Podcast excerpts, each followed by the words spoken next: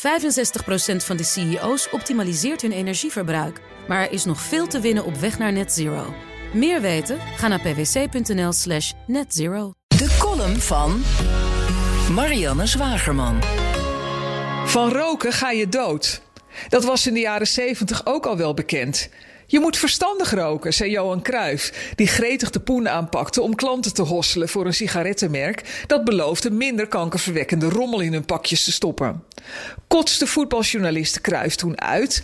Riepen ze op om hem uit oranje te weren? Moest hij op het matje komen bij zijn trainer? Werd hij tot excuses gedwongen op de nationale televisie omdat hij nepnieuws verspreid zou hebben? Waarschijnlijk niet. De cancel culture was toen nog niet uitgevonden. We waren nog het land van duizend meningen, het land van nuchterheid. Nu zijn we China 2.0 geworden. Een land waar huisartsen niet meer zelf met hun patiënten mogen bepalen of ze een prik zullen geven. Waar burgemeesters niet meer zelf mogen bepalen of de terrassen in hun stad open mogen. En waar je als profvoetballer niet de vrijheid hebt om je mening te geven over iets dat zich buiten de witte lijnen afspeelt. Toen Wout Weghorst, speler van Wolfsburg, waagde op Instagram zijn mening te geven over het coronabeleid, werd hij ter verantwoording geroepen voor de camera van het ZDF. De chef voetbal van de NOS, Arno Vermeulen, vindt zijn uitspraken verwerpelijk en waarschuwde de bondscoach dat hij Weghorst beter niet op kan nemen in het Nederlands elftal, omdat er dan gedonder van komt in de media. Weghorst had op Instagram gedeeld dat corona minder dodelijk is dan aanvankelijk werd gedacht. Dat is feitelijk juist, maanden geleden al door de WHO bevestigd. Maar weet Vermeulen veel, die volgt blijkbaar alleen de voetbaluitslagen.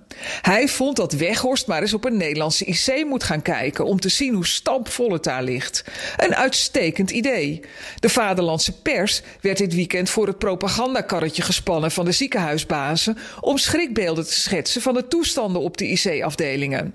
Zo werd kort voor de persconferentie van vandaag, waar versoepelingen dreigden, de indruk gewekt dat de bedden niet aan te slepen zijn voor fitte, levenslustige dertigers die nu naar adem liggen te happen. Ik heb het even gecheckt. In 25 Nederlandse IC-bedden ligt een dertiger. Totaal lagen in de hele coronacrisis 314 Nederlandse dertigers op de IC. Dat is 0,01% van de dertigers. Even voor Arno Vermeulen. Dat is fors meer dan de Nederlandse mannen kans maakten om kampioen te worden bij het laatste WK voetbal. Best verwerpelijk, ja.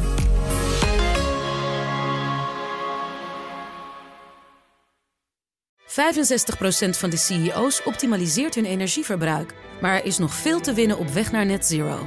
Meer weten? Ga naar pwc.nl slash netzero.